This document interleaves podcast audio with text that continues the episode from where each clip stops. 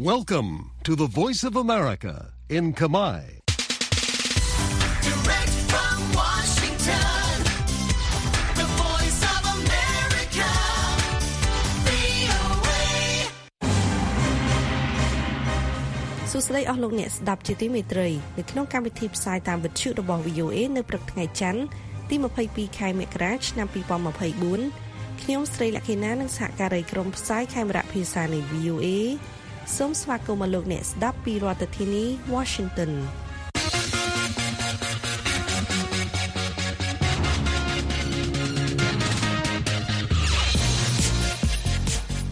នៅក្នុងការផ្សាយរបស់ VOA ជាបន្តបន្តទៅនេះយើងមានសេចក្តីរាយការណ៍អំពីបញ្ហាសេដ្ឋកិច្ចនិងអន្តោប្រវេសន៍ស្ថិតនៅក្នុងការសម្រេចចិត្តរបស់អ្នកបោះឆ្នោតប្រធានាធិបតីអាមេរិកនៅក្នុងឆ្នាំនេះមុខមាត់សហរដ្ឋអាមេរិកនៅលើសកលលោក ប៉ះពាល់ដោយសារតែការគ្រប់គ្រងសកម្មភាពរបស់អ៊ីស្រាអែលនៅក្នុងតំបន់កាហ្សានឹងបទសម្ភាសន៍ VOA ជាមួយលោកវិជ្ជបណ្ឌិតតាំងតិចហុងនៅរដ្ឋ Florida អំពីជំងឺលុយពីសជាប្រព័ន្ធដែលមានក្រហមស្បែកតទៅទៀតនេះសូមលោកអ្នកនាងស្ដាប់សេចក្តីរាយការណ៍នឹងបទសម្ភាសន៍នេះដូចតទៅ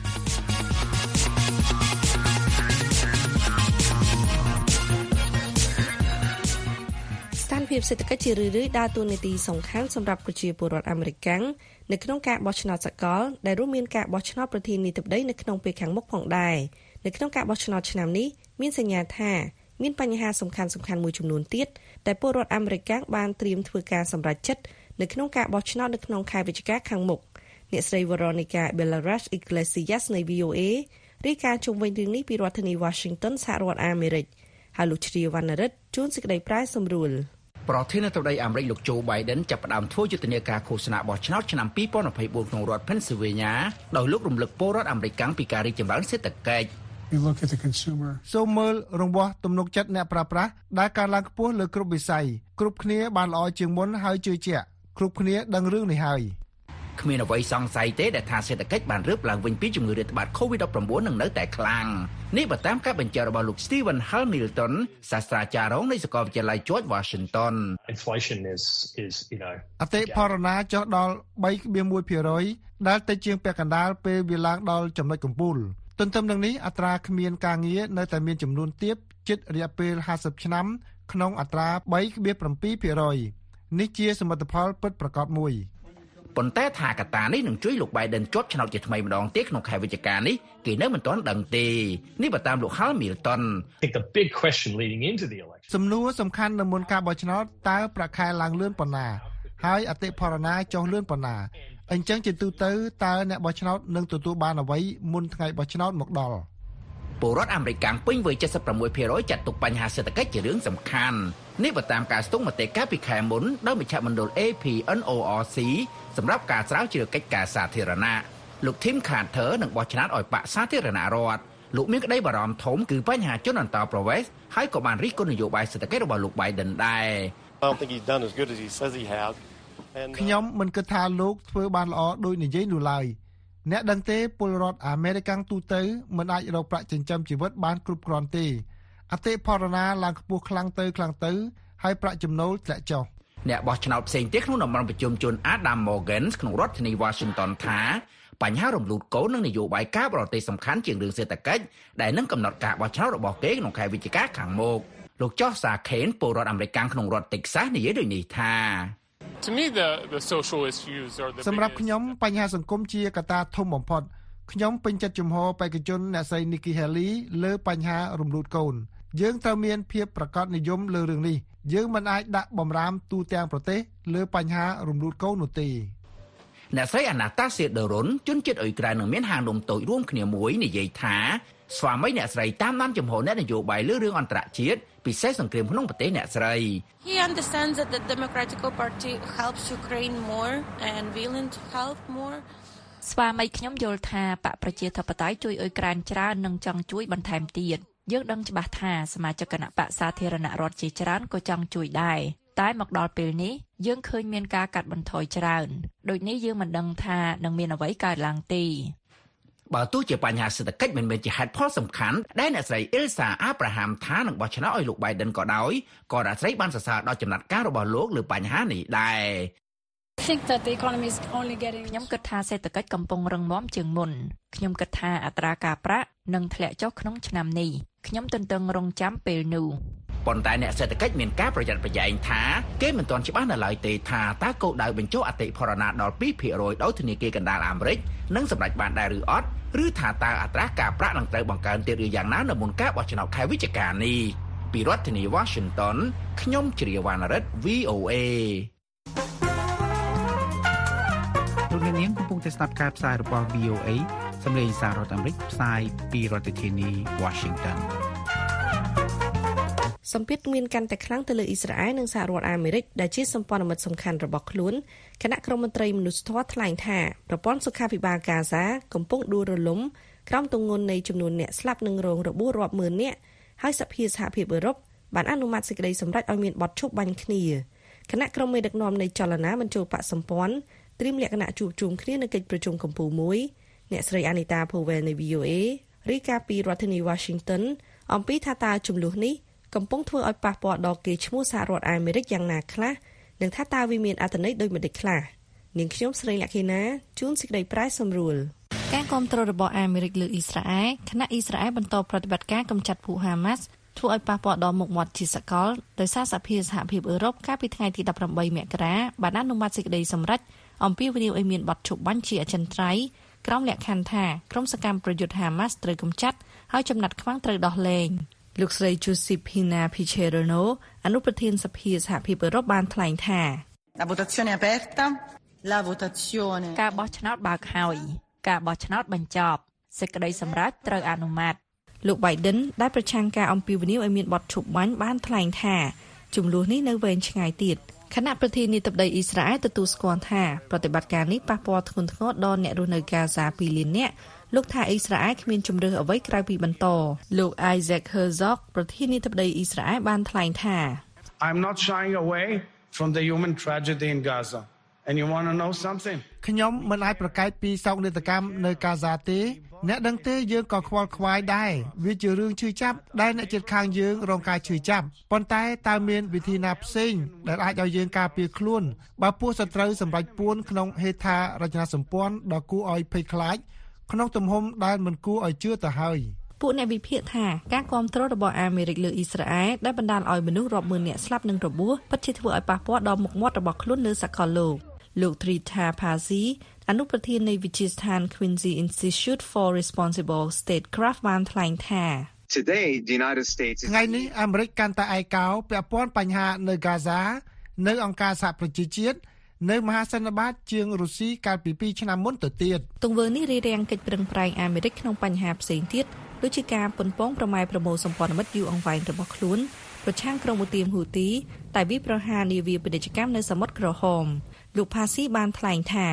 then the only major country that remained in the coalition was the United Kingdom. ប្រទេសធំដែលនៅគ្រប់គ្រងគឺអង់គ្លេសប្រទេសផ្សេងទៀតដូចជាបារាំងអេស្ប៉ាញអ៊ីតាលីបានដកខ្លួន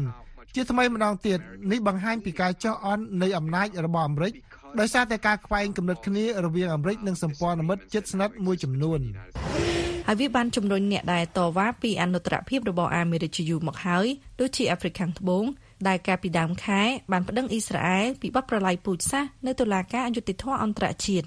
លោក Cyril Ramaphosa ប្រធានាធិបតីអាហ្វ្រិកខាងត្បូងបានថ្លែងថា We condemn in the strongest terms យើងថ្កោលទោសយ៉ាងខ្លាំងក្លាបំផុតចំពោះការកាប់សម្លាប់និងអំពើប្រល័យពូជសាសន៍លើពលរដ្ឋប៉ាឡេស្ទីនដែលជាប់នៅកាហ្សានិង West Bank នៅខែនេះអាហ្វ្រិកខាងត្បូងស្ថិតនៅក្នុងចំណោមប្រតិភូ120 ដែលជួបប្រជុំនៅអ៊ូកុងដាក្នុងកិច្ចប្រជុំកម្ពុជាមិនចូលបកសម្ព័ន្ធឬមិនប្រឆាំងនឹងមហាអំណាចណាមួយអ្នកដែលឃ្លាំមើលស្ថាប័នអន្តរជាតិថ្លែងថានេះប៉ះពាល់ដល់មុខមាត់អាមេរិកផងដែរអ្នកស្រី Angeli Daya សាស្ត្រាចារ្យនយោបាយអន្តរជាតិនៅឯសាកលវិទ្យាល័យ Fordham បានថ្លែងថា by indicating that it is willing to តាមរយៈការបង្ហាញថាខ្លួនមានឆន្ទៈក្នុងការកែប្រែមុខមាត់អន្តរជាតិនៅពេលខ្លួនការពារអ៊ីស្រាអែលអាមេរិកឈរលើជំហរធ្វើឲ្យស្ថាប័នទាំងនោះមិនស្របច្បាប់ដោយថាស្ថាប័នទាំងនោះគ្រាន់តែជាឧបករណ៍នយោបាយសម្រាប់មហាអំណាចស្របពេលជាមួយគ្នានេះគណៈការជជែកដេញដោលនេះបង្កឲ្យមានការខឹងសម្បារនេះគឺអំពីកាហ្សាពីរដ្ឋធានី Washington ខ្ញុំស្រីលក្ខិណា VOA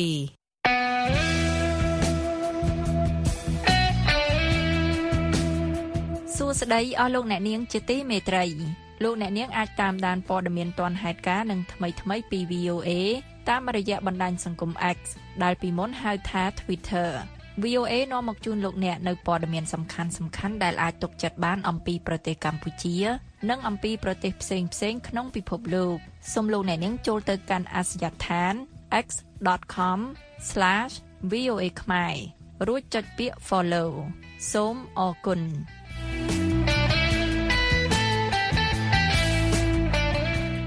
ជំងឺលុយពីសជាប្រព័ន្ធដែលមានក្រហមស្បែកឬហៅកាត់ថាជំងឺលុយពីសគឺជាជំងឺដែលប្រព័ន្ធការពាររាងកាយវាយប្រហារទៅលើជាលិកាដែលល្អរបស់យើងដោយភ័ន្តច្រឡំលោកតាំងតិចហុងវិជ្ជបណ្ឌិតខ្មែរអាមេរិកាំងចូលនិវត្តន៍នៅរដ្ឋ Florida សហរដ្ឋអាមេរិកបានមានប្រសាសន៍ថាប្រជាជនខ្មែរភាគច្រើនមិនសូវស្គាល់ជំងឺលុយពីសនេះទេប៉ុន្តែជំងឺនេះអាចបង្កគ្រោះថ្នាក់ដល់ជីវិតបានបើមិនទទួលបានការព្យាបាលឲ្យបានត្រឹមត្រូវ លោកវិជ្ជបណ្ឌិតតាំងតិហុងនឹងបកស្រាយអំពីមូលហេតុកត្តាហានិភ័យផលវិបាកការធ្វើតេស្តនិងវិធីសាស្ត្រព្យាបាលជំងឺលុយពីសនេះនៅក្នុងបទសម្ភាសន៍ជាមួយអ្នកស្រីហុងចិន្តានៃ VOA សំឡេងអ្នកនាងស្ដាប់បទសម្ភាសន៍នេះដូចតទៅចាសសូមជម្រាបសួរលោកវិជ្ជបណ្ឌិតតាំងតិចហុងនៅក្នុងឆ្នាំថ្មីនេះបាទសូមជម្រាបសួរអ្នកស្រីចិន្តានិងជួនរួមជាតិខ្មែរអ្នកស្ដាប់ទាំងអស់ហើយសូមជូនពរឆ្នាំថ្មីទុកជាយឺតបន្តិចក៏ដោយបាទ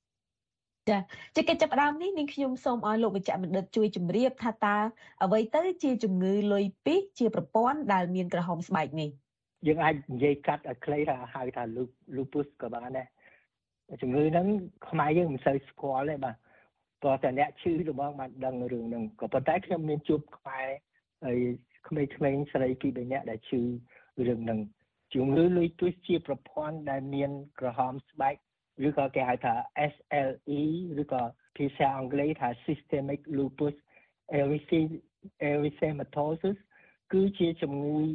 ស្វ័យស៊ាំរ៉ាំរ៉ៃគឺថា autoimmune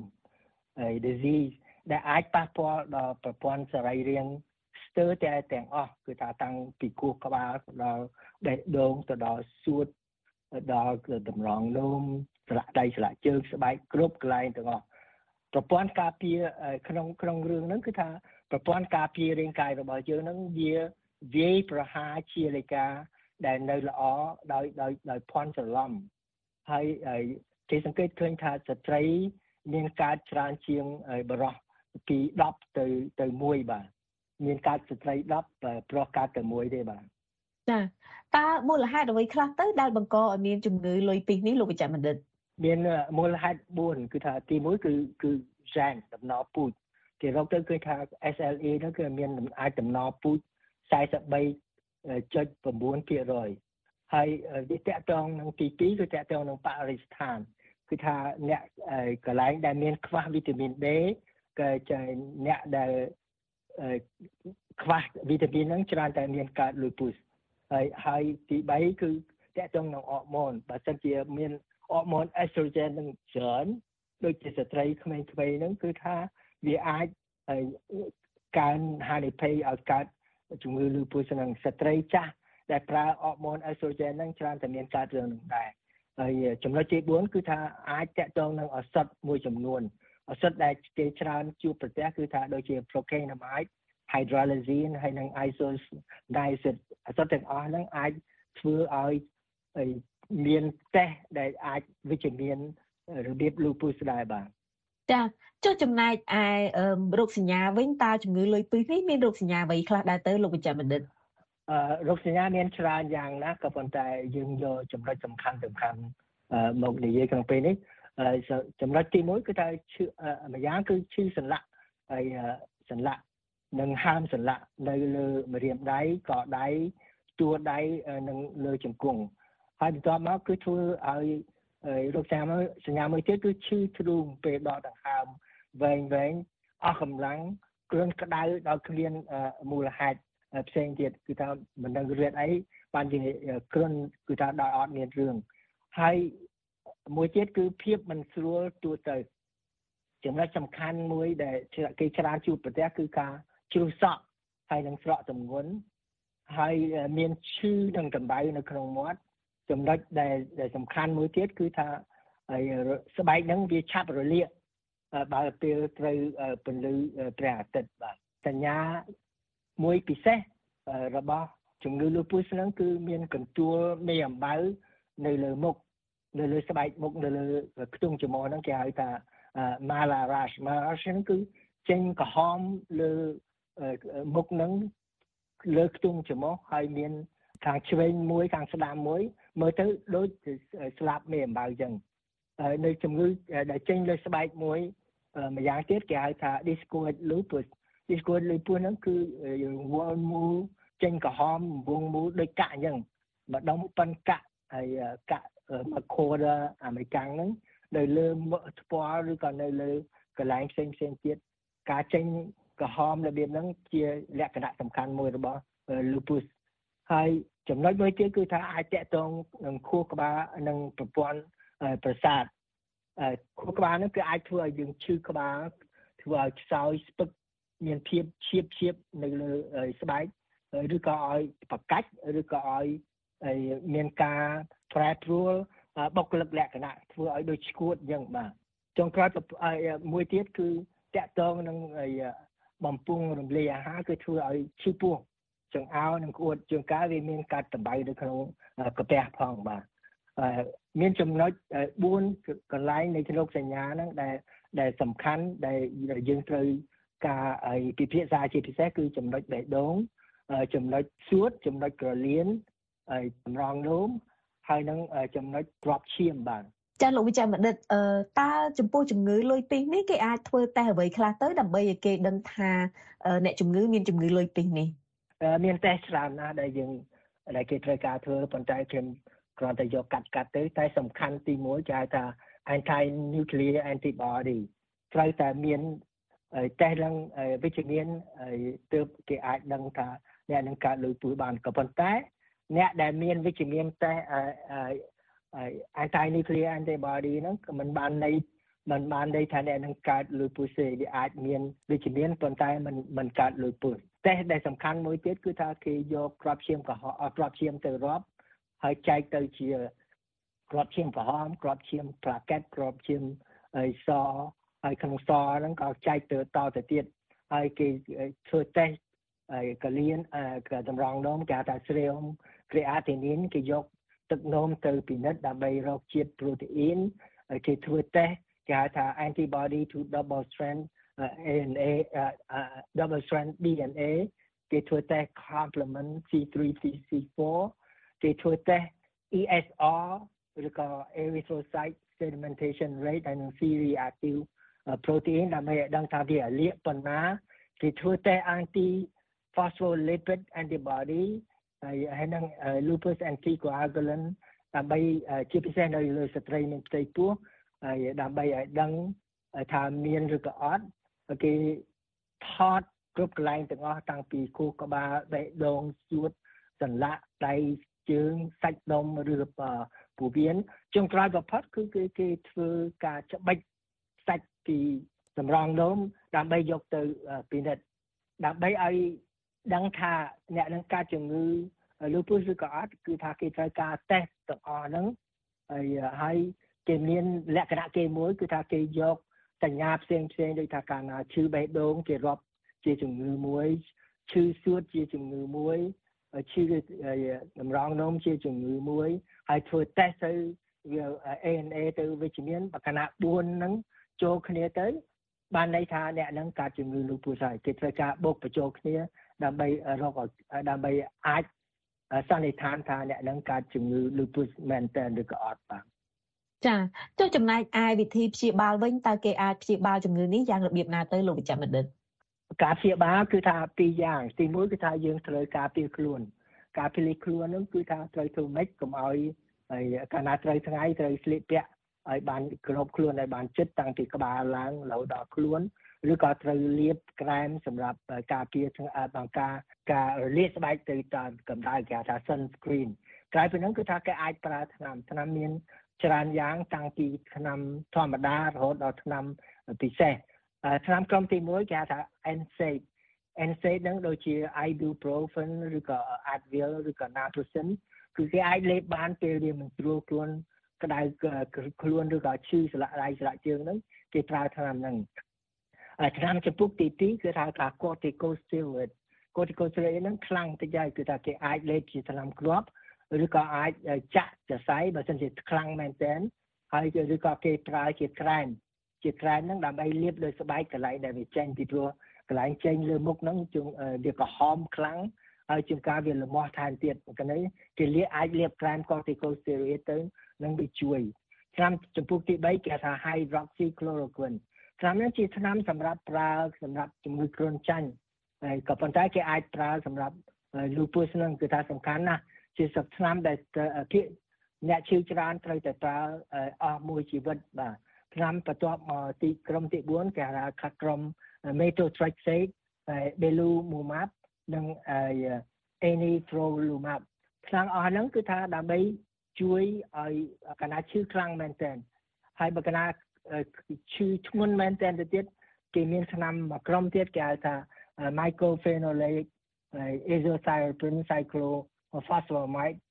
valcosporin ថ្នាំនេះគឺជាថ្នាំដើម្បីទប់ទួលប្រព័ន្ធស៊ាំនឹងកុំឲ្យវារើរុះខ្លាំងពេកបាទអញ្ចឹងតើលោកវិជ្ជបណ្ឌិតអាចបញ្ជាក់បានទេថាតើជំងឺលុយពីសនេះអាចបង្កជាផលវិបាកអ្វីខ្លះផលវិបាកសំខាន់ពីរដែលដែលយើងត្រូវដឹងហើយបើយើងកើតជំងឺ lupus ហ្នឹង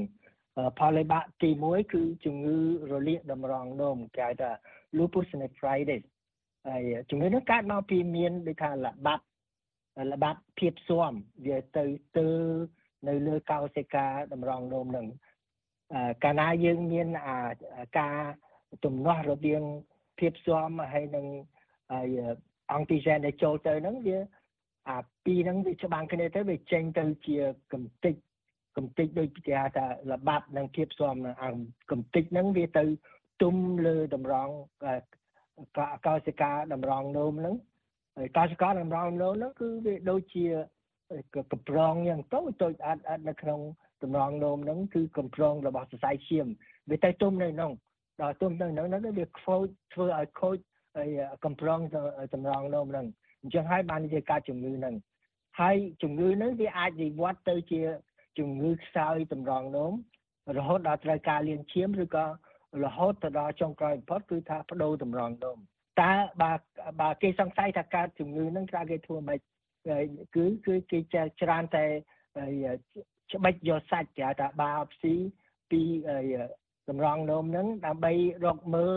ទំហំនៃការខូចខាតនៅតម្រងនោមហ្នឹងដើម្បីគេចាប់ផ្ដើមការព្យាបាលកាលណាឈឺតម្រងនោមហ្នឹងគឺថាចាំបាច់ត្រូវតែព្យាបាលហើយគេត្រូវការប្រើថ្នាំខ្លាំងណាស់ គឺថាថ្នាំក្រុមគេហៅថា immuno suppressive medicine រួមជាមួយនឹងថ្នាំ corticosteroid ដល់កម្រិតខ្ពស់ហើយនឹងរួមជាមួយគេហៅថា cyclophosphamide ហើយនឹង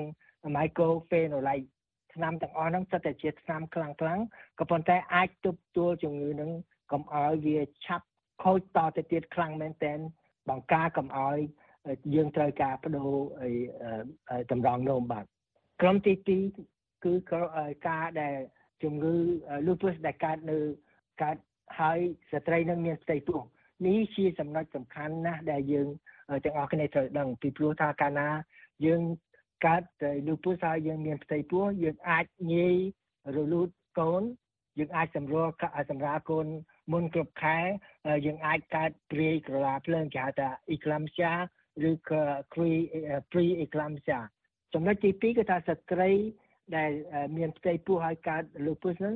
អ្នកខ្លះមានអង្គទីកគេហៅថា anti phospholipid ឬក៏អ្នកខ្លះមានឈឺជំងឺតម្រងនោមគេហៅថា lupus nephritis បើស្ត្រីនឹងមានមានរបស់ពីរហ្នឹងគឺថាមានហានិភ័យខ្ពស់ក្នុងការមានបញ្ហាផ្ទៃពោះនឹងដូចជារលូតកូនជាដើមហើយឬក៏សម្រាប់កូនមិនគ្រប់ខែឬព្រាយកលាភ្លើង ហើយចំណុចទី3គឺថាសំខាន់បើស្ត្រីនឹងមានផ្ទៃពោះគឺគឺគេយល់ថាត្រូវគ្រប់គ្រងជំងឺ lupus នឹងឲ្យបានល្អយ៉ាងហោច4ទៅ6ខែមុននឹងយើងមានគាល់គឺថាយើងត្រូវប្រុងប្រៀបខ្លួនជាមុនចំណុចទី4គឺថាការប្រើ aspirin គេរកទៅឃើញថាបើគេប្រើ aspirin ហើយកម្រិតទាប81ទៅ100មីឡីក្រាម ហើយចាប់ផ្ដើមពីត្រីមាសដំបូងគឺថាយើងអាចបន្ថយហានិភ័យនៃការកើតជំងឺព្រាយកលាភ្លើងហើយសំខាន់មួយទៀតគឺថាធម្មតាអ្នកដែលកើតជំងឺលឺពូស្ពាកច្រើនច្រើនតែលេបហើយ hydroxychloroquine ដូច្នេះគេអនុសាសន៍ឲ្យបន្តថ្នាំនឹងតទៅទៀតត្រូវកុំឈប់ឲ្យសោះបាទចា ចាលោកវិចារបណ្ឌិតតាជាចុងក្រោយនេះមានពាក្យពេចន៍អ្វីចង់ផ្ដាំផ្ញើទៅដល់ប្រិយមិត្តរបស់យើងដែរឬទេចាជំងឺលឺពូស្នឹងវាខ្មែរយើងមិនសូវស្គាល់ទេបាទប៉ុន្តែកាលណាយើងឃើញយើងដឹងតែហ្មងហើយដូច្នេះប៉ុន្តែដែលយើងសំខាន់បំផុតដែលយើងត្រូវត្រូវដឹងគឺថាជំងឺនឹងវាយើងអាចព្យាបាលបានព្យាបាលបានហើយយើងត្រូវមានកម្រងការជាមុន ជំងឺដែលយើងគួរចាប់អារម្មណ៍ជាងគេគឺថាជំងឺនឹងអាចប៉ះពាល់កន្លែងគ្រប់កន្លែងនៅក្នុងខ្លួនយើងនឹងតាំងពីខួរក្បាលដែលធ្វើឲ្យយើងអាចទៅជាប្រកាច់ទៅឬក៏ទៅជាវងវែងស្មារតីវាអាចតាក់ទងដល់សួតធ្វើឲ្យមានទឹកជុំវិញសួតតាក់ទងដល់បេះដូងធ្វើឲ្យមានទឹកឬក៏រលាកបេះដូង ហើយចំណុចមួយសំខាន់នៅក្នុងបេះដូងហ្នឹងគឺថាអ្នកដែលឈឺជំងឺហ្នឹងហើយច្រើនតែឆាប់មានបញ្ហាតាក់ទងនឹងខ្វះឈាមហើយនៅក្នុងបេះដូងខ្ញុំឃើញមានស្ត្រីខ្មែរក្មេងដែលកើតជំងឺហ្នឹងហើយគ្នាហើយម្ដាយស្លាប់នៅស្រុកខ្មែរហ្នឹងហើយគាត់ក៏ជិះកប៉ាល់ហោះទៅមើលម្ដាយនៅនៅស្រុកខ្មែរហ្នឹងពេលជិះកប៉ាល់ហោះហ្នឹងគាត់មានទាំងបេះដូងស្លាប់នៅលើកប៉ាល់ហោះហ្នឹង គាត់អាយុប្រហែលជាង30ឆ្នាំទេហើយស្ត្រីមួយទៀតដែលខ្ញុំស្គាល់នៅទីក្រុង Jacksonville ហ្នឹងក៏ស្លាប់របៀបគ្នាយ៉ាងដែរដូច្នេះជំងឺបេះដូងជាជំងឺមួយដែលសំខាន់ជំងឺសំខាន់មួយទៀតគឺថាជំងឺតាក់ទងនឹងតម្រងនោមដូច្នេះយើងត្រូវដឹងរឿងនេះហើយត្រូវឲ្យពេទ្យគេពិនិត្យជ្រុបួលដើម្បីយើងលេបថ្នាំដើម្បីការពារកុំឲ្យខូចកម្រងទឹកនោមនឹងចំណុចចុងក្រោយបំផុតដែលខ្ញុំចង់ បញ្ជាក់ឲ្យឲ្យខ្លាំងមែនទែនគឺថាស្ត្រីដែលមានផ្ទៃពោះកាលណាយើងមានផ្ទៃពោះត្រូវទៅឲ្យទៅទី1មុននឹងមានផ្ទៃពោះហ្នឹងយើងត្រូវរៀបចំខ្លួនជាមុនគឺថាយើងត្រូវធ្វើម៉េចឲ្យជំងឺហ្នឹងវាជាឲ្យមកធម្មតាសិនសូមយើងឲ្យមានផ្ទៃពោះហើយកាលណាមានផ្ទៃពោះហ្នឹងត្រូវទៅឲ្យពេទ្យពិនិត្យមែនតែនហើយត្រូវលេបថ្នាំហើយអាស្ពីរីនហ្នឹង 81ទៅ100មីឡីក្រាមហ្នឹងហើយត្រូវបន្តថ្នាំ hydroxychloroquine តទៅទៀតបើយើងធ្វើដូច្នេះបានគឺថាយើងអាចរស់នៅបានដូចធម្មតាអញ្ចឹងកូនរបស់យើងនឹងអាចកើតមកបានសុខភាពធម្មតាដូចកូនឯទៀតទៀតដែរបាទចាចិននេះខ្ញុំសូមថ្លែងអំណរគុណយ៉ាងជ្រាលជ្រៅដល់លោកវិជ្ជបណ្ឌិតតាំងតិចហុងដែលបានចំណាយពេលវេលាដ៏មានតម្លៃបកស្រាយយ៉ាងលម្អិតអំពីជំងឺលុយពីសជាប្រព័ន្ធដែលមានក្រហមស្បែក នាងខ្ញុំសូមអរគុណសូមជម្រាបលាអរគុណបាទសូមជម្រាបលា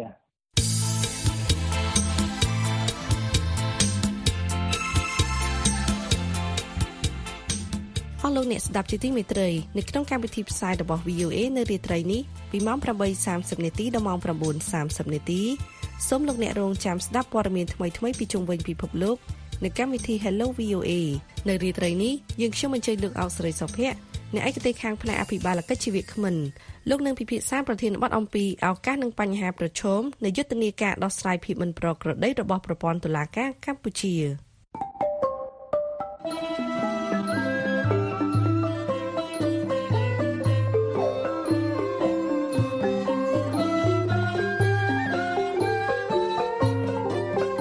ទីផ្សាយរបស់ VOA នៅព្រឹកនេះចប់តែប៉ុណ្ណេះ ប៉ុន្តែលោកអ្នកនាងនឹងអាចស្ដាប់ឬអានព័ត៌មានរបស់ VOA ឡើងវិញបាន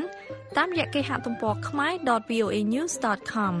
សំឡេងអ្នកនាងរងចាំស្ដាប់ការផ្សាយបន្តផ្ទាល់របស់យើងខ្ញុំនៅរាត្រីនេះពីម៉ោង8:30នាទីដល់ម៉ោង9:30នាទីតាមរលកវិទ្យុ 25m ត្រូវនឹងកម្រិត11695និង1575 kHz សំឡេងអ្នកនាងប្រកបដោយសុភមង្គលគ្រប់ប្រការអរុនសួស្តី